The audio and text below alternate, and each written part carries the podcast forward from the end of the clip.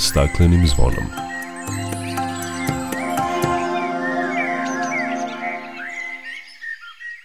Dobar dan i dobrodošli na Zeleni talas prvog programa radija Radio Televizije Vojvodine. Ja sam Dragana Ratković.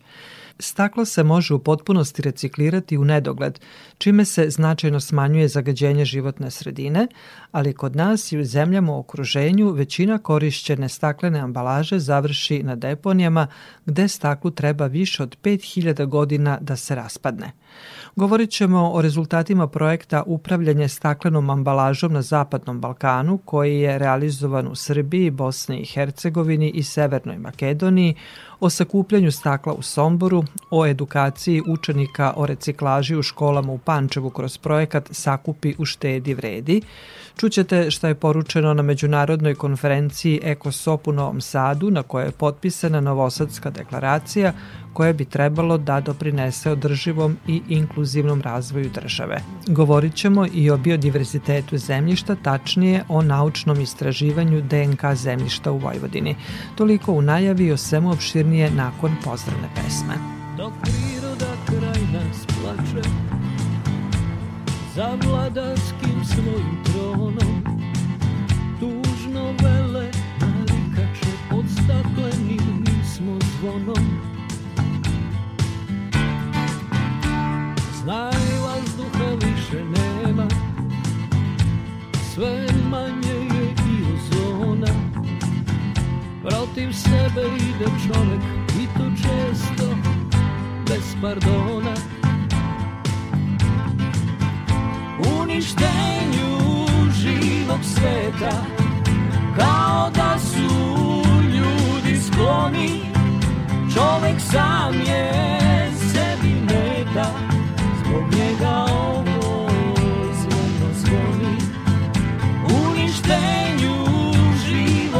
sveta. Kao da su ljudi skloni čovek sam je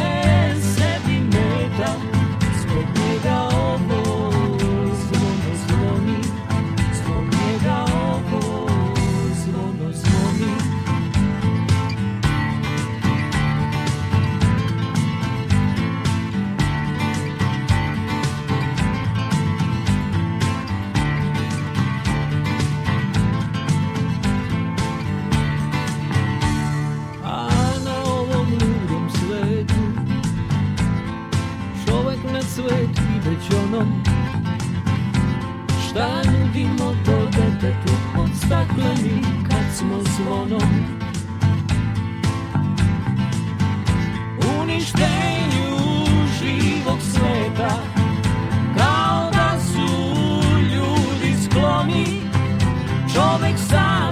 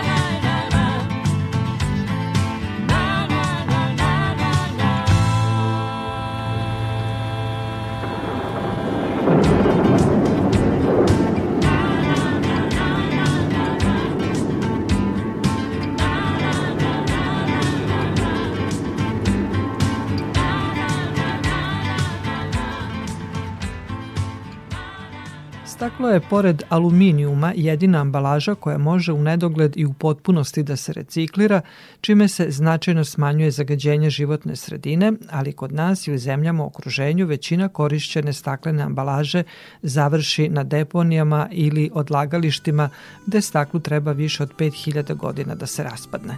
Količine sakupljenog stakla za reciklažu na Zapadnom Balkanu još su daleko od nivoa koji propisuje Evropska unija.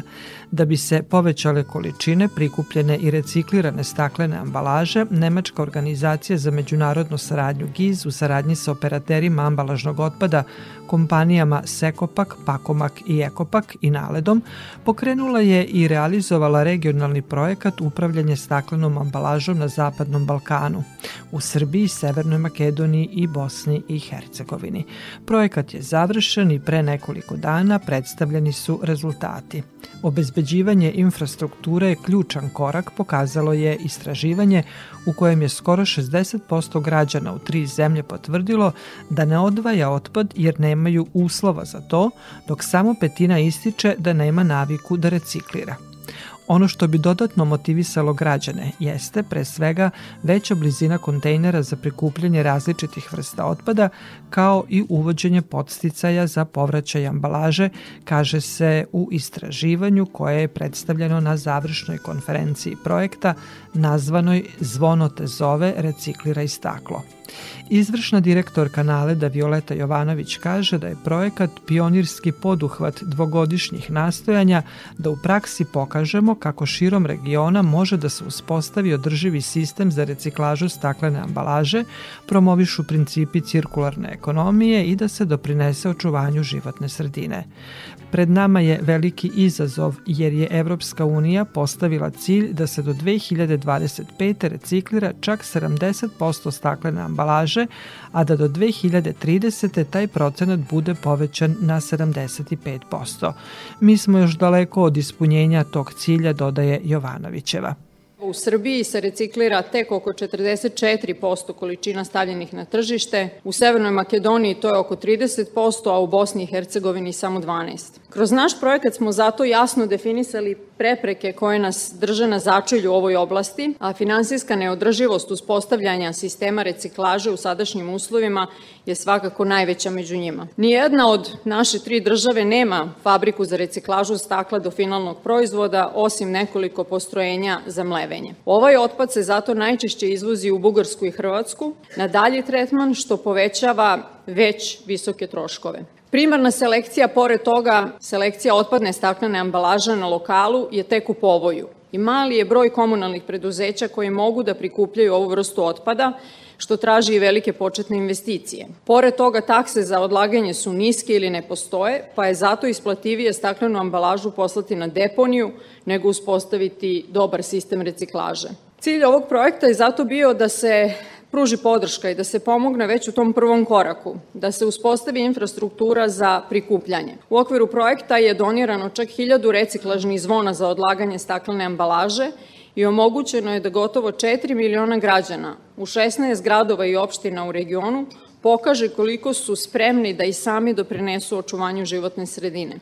Ukoliko želimo da postignemo ciljeve Evropske unije do 2030. godine, a to je 75% sakupljene staklene ambalaže koja se plasira na tržište, morat ćemo da postavimo još više zvona u Republici Srbiji i da povećamo količine sakupljenog stakla u delu komunalnog otpada, kaže izvršna direktorka Društva za postupanje sa ambalažnim otpadom Sekopak Violeta Belanović-Kokir. U okviru ovog projekta upravljanje staklenom ambalažom na Zapadnom Balkanu mi smo uspeli da povećamo reciklažu, to jest sakupljanje staklenog ambalažnog otpada u četiri opštine za 90%. Prvo su postavljeno 600 zvona u četiri opštine, Varvarinu, Kragujevcu, Nišu i Somboru i iz tih 600 zvona sakupili smo 600 tona ambalažnog staklenog otpada. Kasnije nam se pridružio Beograd i Novi Sad sa postavljanjem 200 zvona i mi se nadamo da ćemo imati isto tako dobre rezultate i u ova dva grada. Prema rečima direktorke Sekopaka kao rezultat projekta izašao je i vodič na osnovu kojeg će svaka lokalna samouprava moći da vidi kako treba postaviti sistem koji će biti efikasan po pitanju sakupljanja staklenog i drugog ambalažnog otpada. On može da posluži kao vodič i za ostale tipove ambalažnog otpada, zbog toga što on prosto pokriva sve, kako dokumentaciju treba pripremiti, kako mapirati gde se postavljaju kontejneri, znači apsolutno pokriva ceo postupak.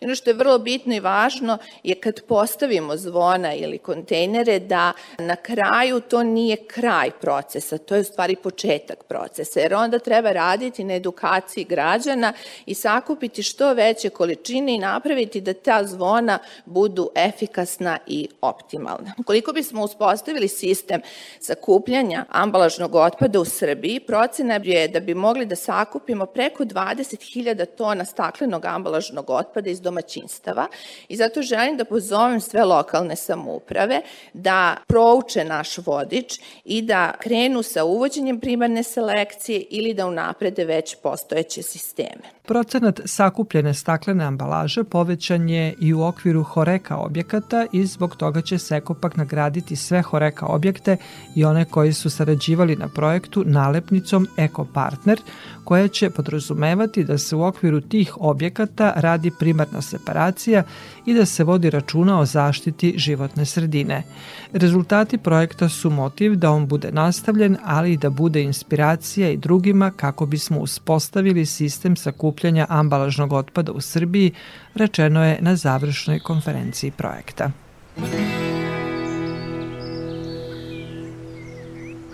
I found out what it's all about. Your tail when the bosses shout. Cause in the cage they give you meat. A running wild, you won't eat for weeks. So singing kaya, yippee, yippee, oh, yippee, yeah. The grass grows greener far away. Kaya, yippee, yippee, yeah, yippee, oh. I'm still diving for the pearl in the rock and roll.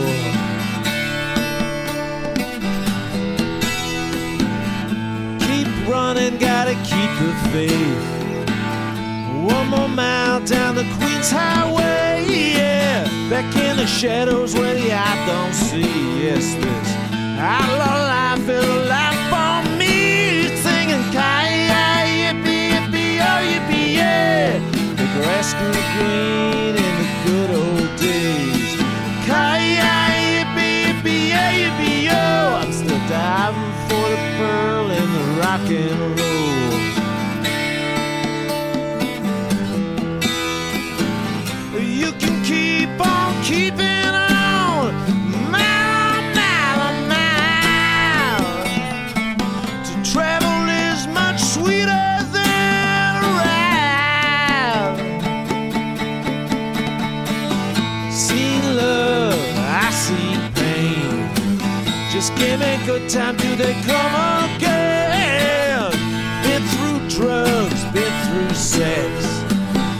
take religion, can you tell me what's next? Singing yippee, yippee, oh, yippee, yeah. The grass grows greener far away.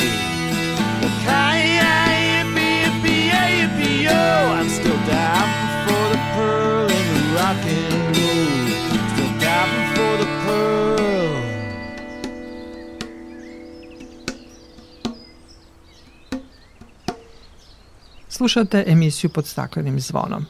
I u nastavku emisije govorimo o projektu Upravljanje staklenom ambalažom na Zapadnom Balkanu. Reciklažna zvona povećala su sakupljanje staklene ambalaže za 90% u 14 pilot gradova i opština u Srbiji, Bosni i Hercegovini i Severnoj Makedoniji koje su učestvovale u projektu. Reciklažna zvona u Srbiji, kao što ste čuli, dobili su Niš, Kragujevac, Varvarin i Sombor, a nedavno i Novi Sad i Beograd. Gradovi su odabrani na osnovu određenih kriterijuma, a Sombor je izabran jer prednjači u odnosu na ostale gradove u našoj zemlji kada je reč o prikupljanju staklene ambalaže, kaže za našu emisiju pomoćnica direktora za higijenu i zaštitu životne sredine u Somborskoj čistoći Vanja Vlaškalić. Unazad recimo pet godina se bavimo prikupljanjem staklene ambalaže u gradu Somboru, gde smo najpre počeli jeli, od nekih ugostiteljskih objekata sa nekim jeli, kontejnerima, metalnim i tako dalje. Zatim smo putem našeg operatera Sekopaka dobili donaciju od 200 plastičnih kanta od 120 litara i od sobstvenih sredstava kupili još stotinu. I onda smo prikupljanje staklene ambalaže vršili isključivo iz ugostiteljskih objekata na teritoriji 15 sela je u pitanju i grad Sombor to je bio ozbiljni početak prikupljanja staklene ambalaže i pošto smo u tom poslu pokazali izuzetne rezultate i odlične količine što se tiče ovog ambalažnog stakla koje smo upucivali na reciklažu, Sekopak, naš operator, je odabrao upravo Sombor da bude jedan od četiri grada u Srbiji koji će biti uključen u projekat upravljanja staklenom ambalažom na Zapadnom Balkanu putem tog projekta Sombor je dobio 150 zvona za prikupljanje staklene ambalaže. Od tih 150 zvona 136 se nalazi na terenu. Četiri su nažalost tokom uništena i nekih desetak ima na stanju. 136 zvona se nalazi raspoređeno u, u, jeli, u svim selima, u prigradskim naseljima i u gradu. Ove godine smo prikupili 211 tona staklene ambalaže na teritoriji grada. Trenutno se odvija prikupljanje e, zadnje pražnjenje zvona, tako da će ta brojka biti povećana do kraja godine za jedno 20 tona računajte da će biti više. Ta količina ne odnosi se na samo na izvor iz zvona, nego na sve ukupno iz tih ugostiteljskih objekata i zvona. Pre pet godina ste počeli da sakupljate organizovano staklo. Da li taj procenat raste i koliko otprilike Tako sada? Da ne kako da ne, tad kad smo počinjali imali smo nekih 15-16 tona godišnje, pa smo došli do 22-3 tone, pa 45-6,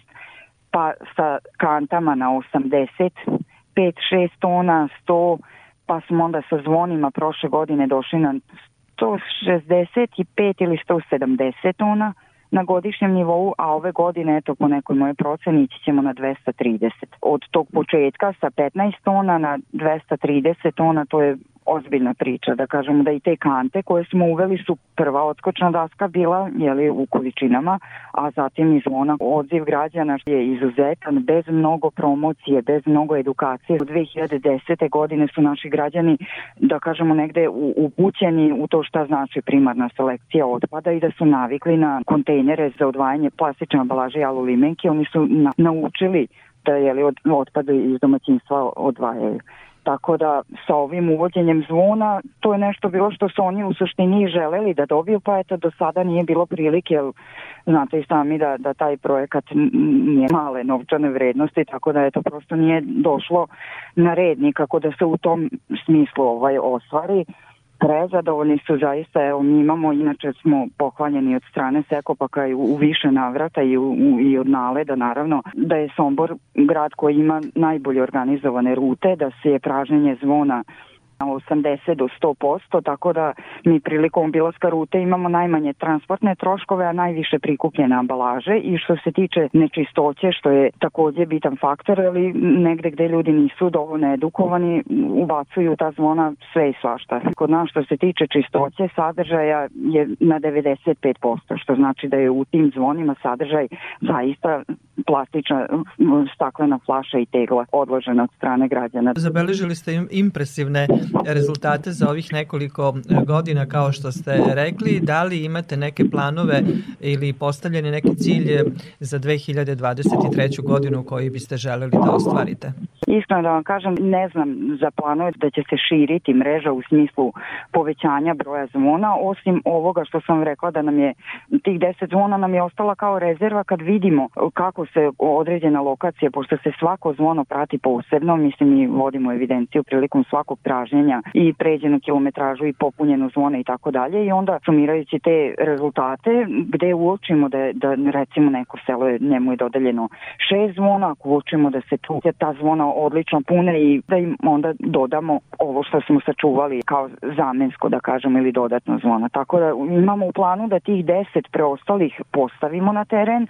Što se tiče plastičnih kanta za lokale, to ide, da kažemo, kako se neki objekat, ugostiteljski objekat otvori, mi smo tu da ispratimo, jeli, da im damo ponudu, da, da im dostavimo posude i tako dalje, tako u tom smislu negde, da kažemo, širimo tu mrežu. E sad što se tiče same nabavke još dodatnih posuda, mislim da ni grad Sombor ni nema toliko potrebe za, za dodatnim. Mi smo negde očekivali kada smo postavili te kontejnere, da će to biti negde onako svi će se sada tu nešto odazvati, ispraznit će svoje podrume, znate kako to ide u Vojvodini, flaše se čuvaju, tegle za zimnicu, flaše za paradajz, za rakiju i tako dalje. Sad neko će tu prazniti neke tavane, podrume i tako dalje i tu će biti prvih par meseci bum i posle toga zatiše. Međutim, mi evo i sada na samom kraju, da kažemo, ove kalendarske godine imamo situaciju da su, da su ta zvona prepuna. Građani se jako lepo zaista odazvali, tako da očekujem da će to u tom smislu ići na još povećanja količine, a druga stvar je da mi ovde u Centru za selekciju otpada u Somboru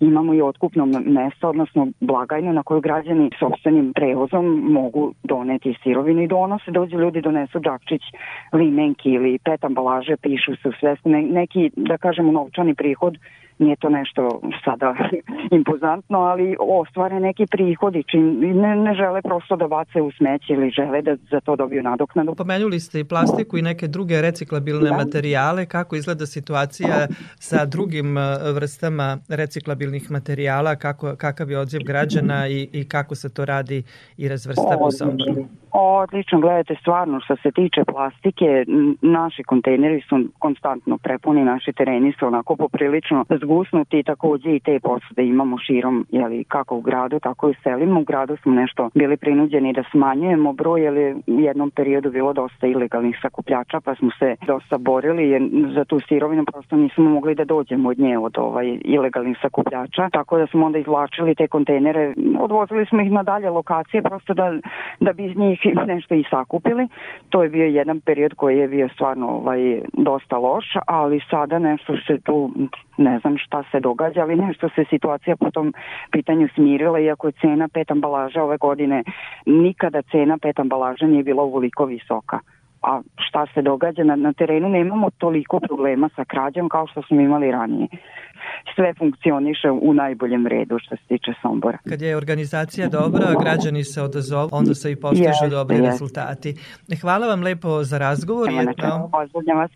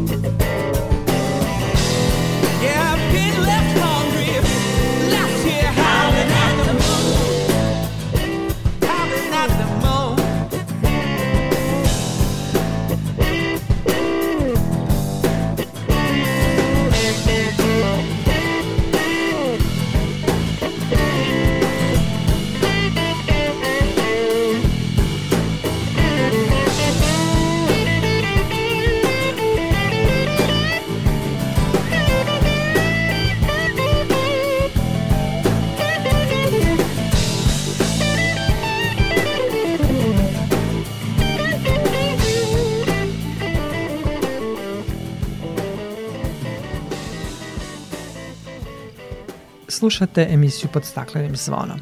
I u narednim minutima govorimo o reciklaži, tačnije edukaciji zašto je važno reciklirati. Naime, u okviru dugogodišnjeg projekta Sakupi u štedi vredi predstavnici javno-komunalnog preduzeća Higijena u Pančevu ovih dana obilaze škole i uče đake o reciklaži. Tako su učenici u osnovnoj školi Branko Radičević saznali više o reciklaži i razdvajanju otpada u njihovoj školi. Više o tome Aleksandra Vlajić. Mila, drugi razred i Varvara, on šesti. Mila, šta si to naučila bitno kada je reciklaža u pitanju? Pa ovaj čas mi se baš super svideo i naučila sam da smeće ne treba da se baca u okolini, nego da može od starih stvari da može da se napravi kao ne, možda neka igračka od kartona, plastike i papira. Varvara, šta ti kažeš, kakav je bio čas? Bio je super čas i mnogo produktivan. Da li razvrstavaš e, otpad? Da, ja sam mnogo čula o reciklaži zapravo i da, od sad ću 100% da razvrstavam sve i od kuće i tako. Kako reaguju tvoji e, drugari? Šta oni kažu? Pa mislim da se im svidelo. A sa nama je Jovanka Dakić, izvršna direktorka sektora za upravljanje otpadom i zaštitu životne sredine javno-komunalnog preduzeća Higijena.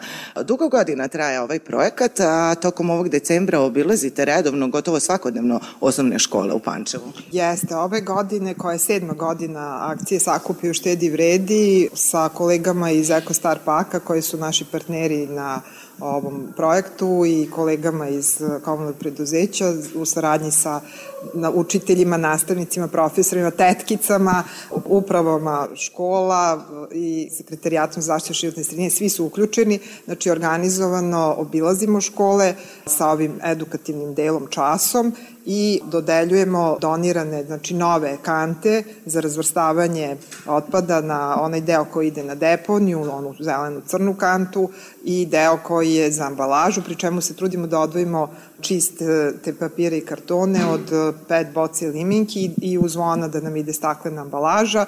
Deca to lepo, da kažem, prihvataju od prvih razreda osnovne škole pa zaključno sa tinejdžerima u srednjim školama.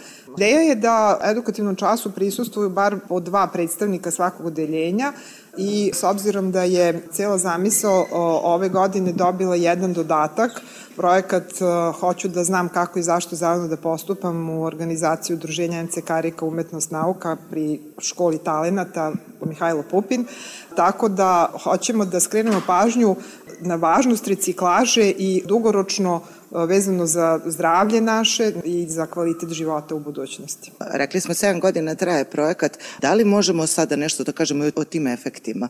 U suštini, ako svake godine iz početka ovaj, obilazimo škole u smislu i podsjećanja i novih generacija koje, da kažem, dolaze, s tim što smo imali tu neku pauzu malo zbog korone u tim direktnim kontaktima, rezultati budu sve bolji i bolji. I sad u pitanju su uh, tone ambalaže koje se upućuje reciklažu, ali je mnogo veća dobit u promeni navika, zato što promena navika će dovesti pre svega do poboljšanja zdravlja, pa onda uštedu materijalima, energiji i uopšte u konceptu razmišljanja da otpad nije problem, nego da želimo da budemo deo rešenja. Pretpostavljam da će projekat biti nastavljen i u narednoj godini. Biće i ideja je da na dobrovoljnoj osnovi se škole prijavljuju i da se dogovaramo za termine, ostalo i za drugo polugodište deo osnovnih i srednjih škola u Pančevu, ne samo u Pančevu, nego i u naseljenim mestima koje treba da obiđemo i nadamo se da će to postati, da kažem, praksa koja je normalni sastavni deo života. Hvala vam puno.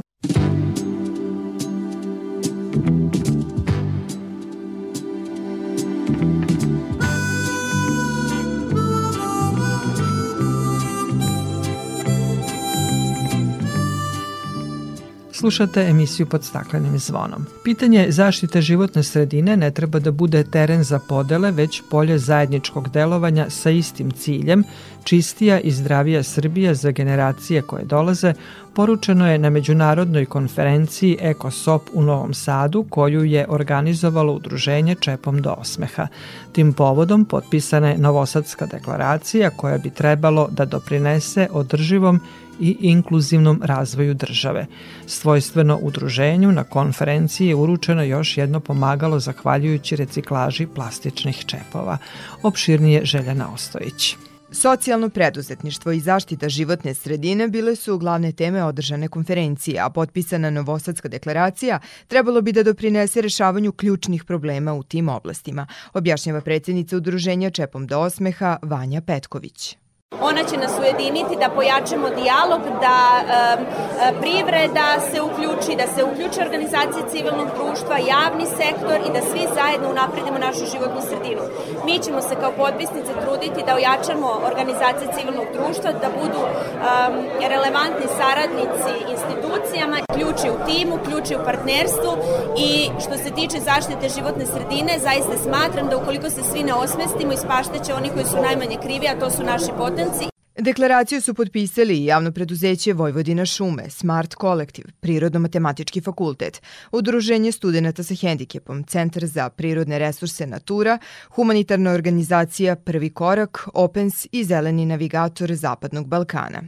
Iako deklaracija nosi naziv Novosadska, problem zaštite životne sredine je mnogo širih razmera, naglašava dekanica PMF-a Milica Pavkov-Hrvojević. To je jedan globalni problem jer smo mi svi deo jednog velikog ekosistemskog sistema, ekosistema koji utiče na sve nas, ali mi utičemo na njih. Nažalost, rekla bih da ne postoji u zemlji odgovarajuća infrastruktura za odlaganje otpada, što jeste jedan veliki resurs kako u ekonomskom, tako i u energetskom smislu, ali inicijativa Čepom do osmeha pokazuje da je reciklaža u pravom smislu te reči moguća, da se kroz to skupilo ne samo 870 tona plastike, nego da su i građani edukovani o mogućnostima reciklaže. Osim što reciklaža u ovom slučaju ima i humanitarni karakter, ona pre svega doprinosi smanjenju emisije štetnih gasova. Grad Novi Sad uvideo je značaj zaštite životne sredine i poslednjih 10 godina uloženo više od 3 milijarde dinara u projekte iz ekologije, poručio je gradonačelnik Milan Đurić. Prvi smo grad koji je pokrenuo projekat cirkularne ekonomije sa javnim preduzećem. Konkretno je u pitanju javno pomoć preduzeće Gradska čistoća gde smo izgradili postojlište za preradu otpada grada Novog Sada u tom preduzeću. U okviru konferencije Udruženje Čepom do osmeha uručilo je elektromotorna kolica desetogodišnjem Lazaru Živkoviću iz Niša koji boluje od spinalne mišićne atrofije. Zahvaljujući humanosti i ekološkoj osvešćenosti građana, Udruženje je za 10 godina obezbedilo 69 pomagala za decu sa smetnjama u razvoju.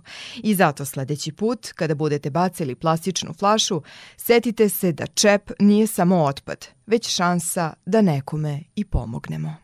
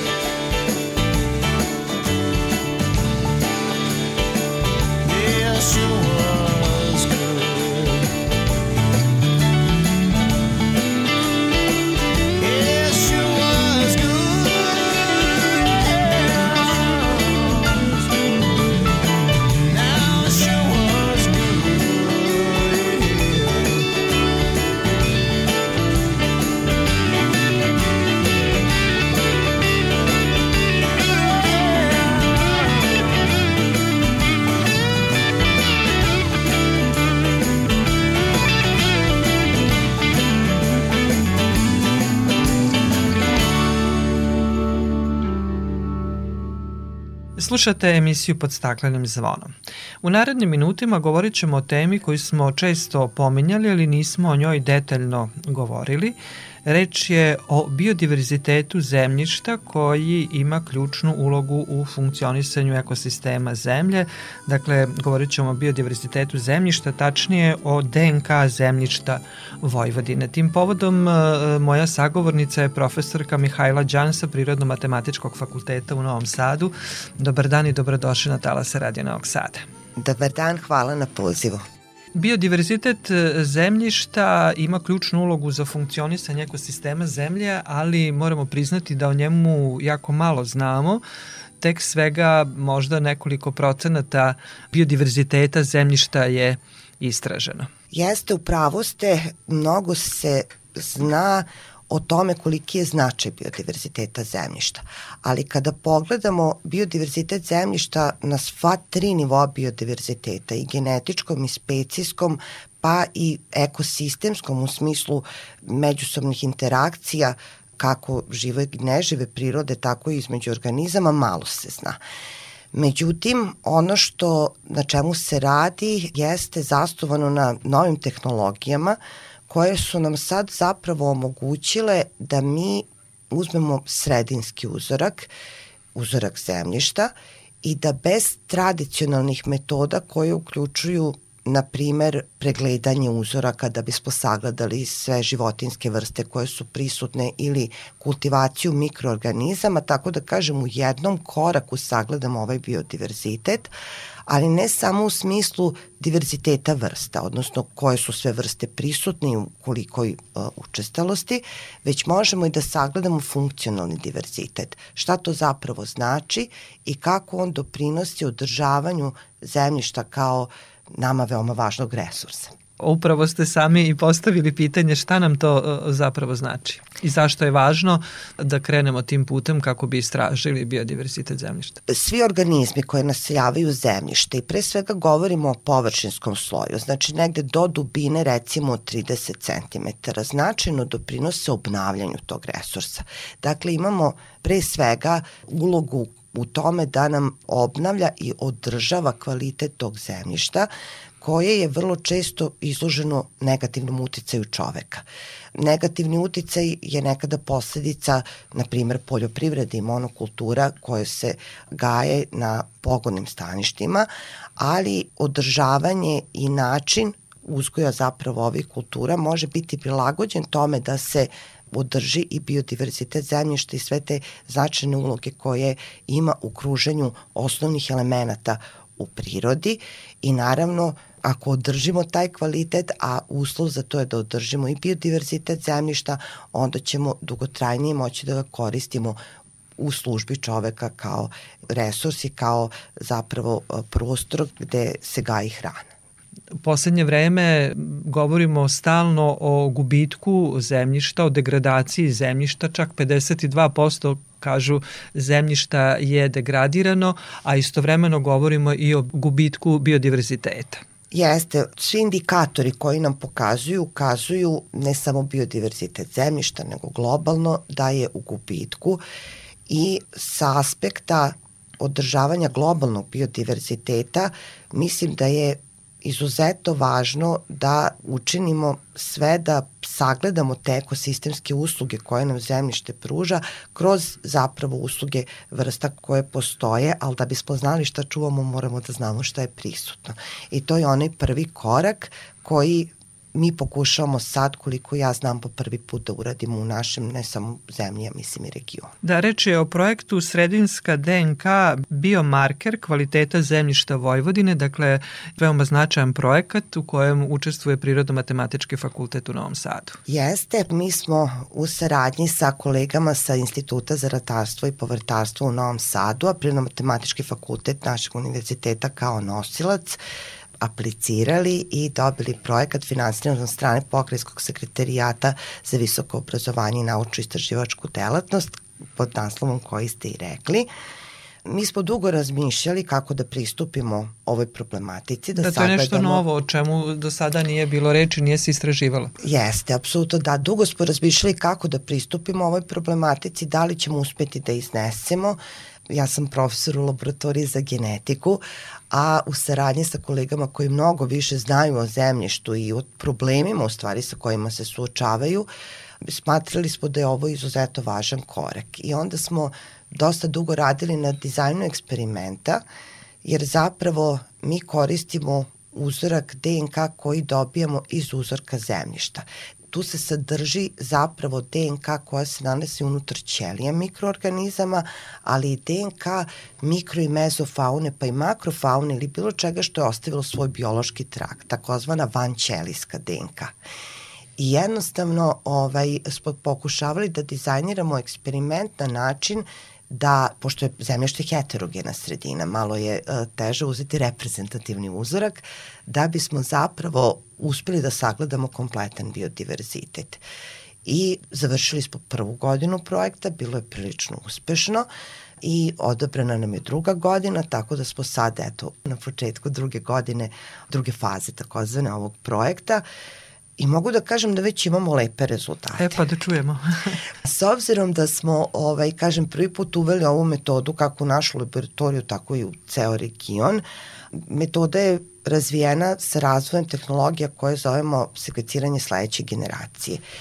I mi smo u toku prve godine sakupili ukupno 135 uzoraka, odabrali smo tri zapravo tipiča zemljišta za Vojvodinu, i za svako od njih dva koja su poljoprivredna i jedno koje je nepoljoprivredno. Upravo da vidimo razliku u biodiversitetu, odnosno u diverzitetu vrsta. Znači ono što mi sad možemo sa ovom metodom jeste da kažemo koje vrste su prisutne i da pokušamo da definišemo njihovu abundancu i da na taj način damo zapravo biološki profil, tako da nazovem svakog zemljišta i da utvrdimo razlike između njih, a Takođe, pored toga, određeno je negde oko 35 fizičkih i hemijskih parametara tih uzoraka. I želimo u stvari da stavimo u korelaciju sve one indikatore kvaliteta zemljišta koje ću nazvati tradicionalnim sa biološkim indikatorima kvaliteta zemljišta. Takođe, dobili smo prve sekvence, bili smo jako uzbuđeni, tako da e, imamo generisano dakle u svakoj od tih kolekcija sekvenci, u svakom od tih uzoraka preko 100.000 različitih sekvenci, tako da je ta bioinformatička analiza trenutno u toku, treba će nam neko vreme a ono na čemu se baziramo jeste sa jedne strane mikrobiom, je on problematičan za kultivaciju i na ovaj način ćemo moći da sagledamo sve one vrste ili možda do nivoa roda, ali u svakom slučaju taksone koji su prisutni, ali ne samo u smislu liste ili spiska vrsta, pošto to, kako da kažem, je jako značajno, ali samo po sebi ne znači mnogo, nego funkcionalnih grupa koje su prisutne mikroorganizama u zemljištu, a sa druge strane mikro i mezofaunu koju eto nekoliko kolekcija smo uspeli da obradimo i, i dobijamo različite rezultate što nam je negde drago. Da, s obzirom da je Vojvodina izrazito poljoprivredno zemljište, ti podaci će biti veoma dragoceni i tim pre zato što kvalitet zemljišta zavisi i od bogatstva biodiverziteta.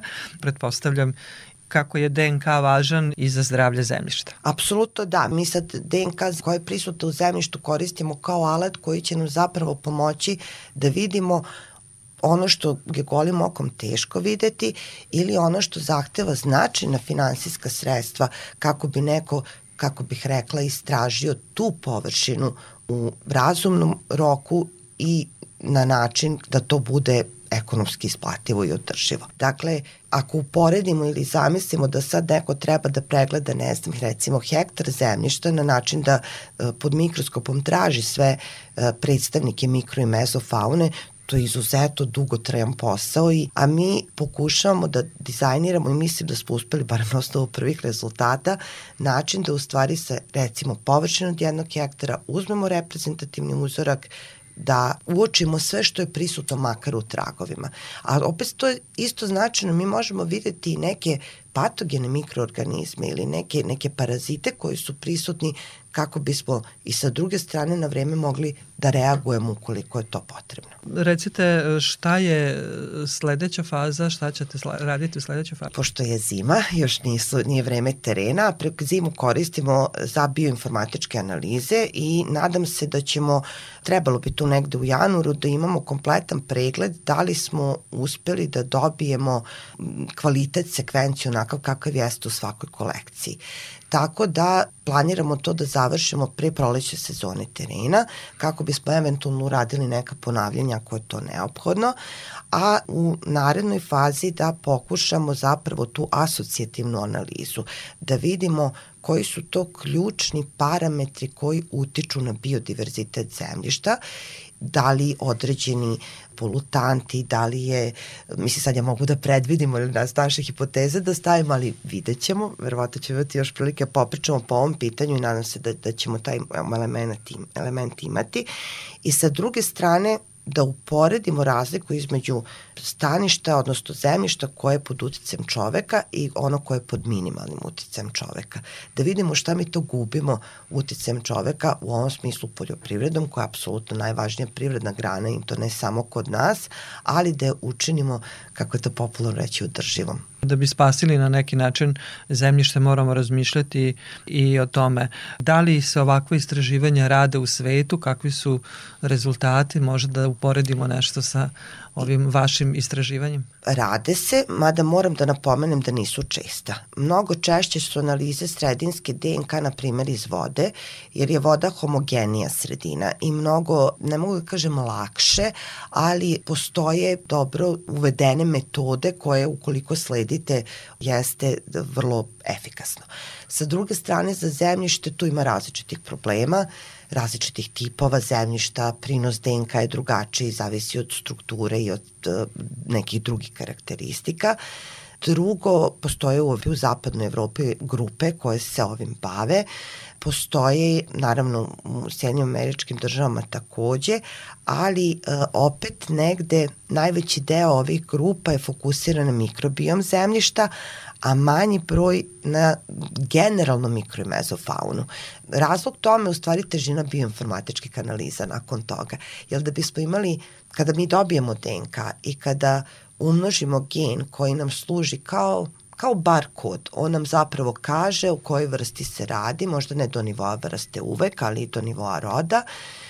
E, moramo da imamo s čim da uporedimo, kao za bilo koju drugu DNK analizu. Tako da nam u stvari od e, međunarodno dostupne baze sekvenci koje postoje zavise donekle i naši rezultati. Ono što je najveći ili najdugotrajniji korak jeste napraviti dobru kolekciju, odnosno kolekciju tih sekvenci. I mi smo trenutno u tom procesu, a nama je kao, kao timu i svim istraživačima koji su učestnici u projektu bilo izazovno i da uradimo nešto novo, a i mislim da, da uradimo nešto tako bih rekla na duge staze, dakle da ne bude nešto instant. da, da, možemo slobodno reći te analize da mogu da posluže kao neka lična karta zemljišta. Apsolutno da. To nam je negde ideja. Jedan od predviđenih rezultata našeg projekta jeste da zapravo kreiramo i neku formu interaktivne mape gde bismo imali informaciju i o biodiverzitetu zemljišta pored onih klasičnih fizičko-hemijskih parametara koje se mere i i bit će nam, tako da kažem, polazna tačka ili, ili redovnim monitoringom mi ćemo moći da pratimo promene u biodiverzitetu i tada ćemo znati u kom momentu, odnosno i pre tog momenta kada treba da reagujemo ukoliko uočimo značajan pad ili promenu u zajednici koju smo detektovali. Vrlo zanimljiva priča, evo po prvi put smo pričali o, o ovoj temi, nadam se da ćemo u buduće malo više znati, jer biodiverzitet zemljišta, kao što smo rekli, predstavlja važan izvor genetskih resursa, dok se gubitkom biološke raznolikosti zemljišta smatra jedan od glavnih pretnji za opstanak zemljišta uopšte i na to u budućnosti moramo da obratimo pažnju. I hvala vam lepo za razgovor i učešću u programu Radio Novog Sada. Hvala i vama.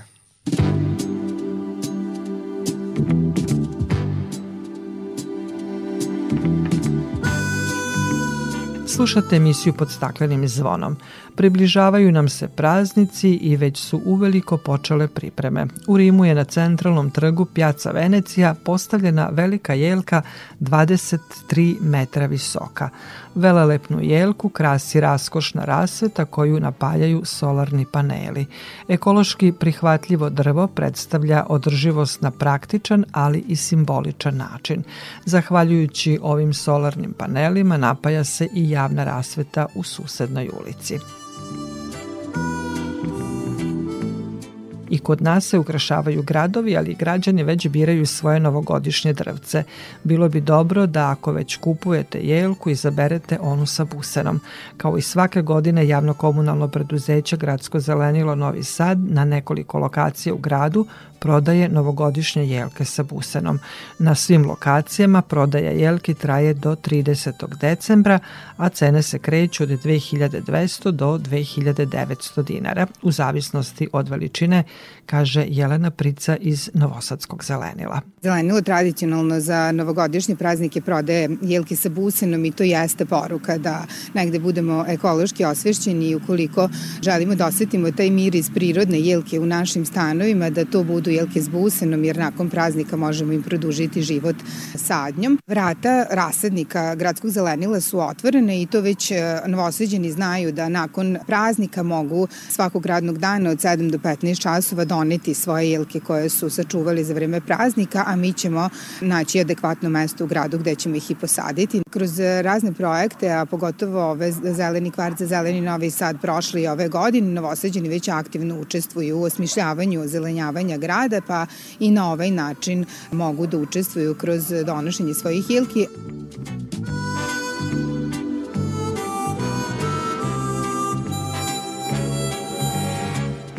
Došli smo do kraja emisije pod staklenim zvonom koju možete slušati i odloženo na podcastu Radio Televizije Vojvodine na adresi rtv.rs. Na pažnje vam zahvaljuju Damjan Šaš, Zoran Gajinov i Dragana Ratković. Naredni susret zakazujemo za sedam dana u isto vreme na zelenom talasu prvog programa radija Radio Televizije Vojvodine.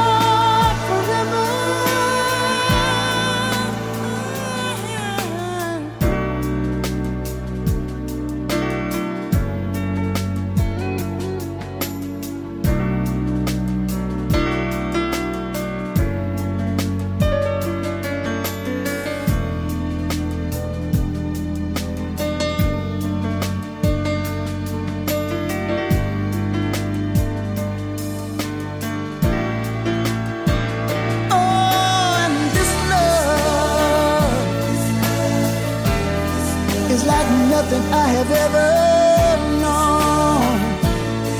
No, no, no, baby. Take my hand, love. I'm taking you home. Oh, this love is like nothing I have ever.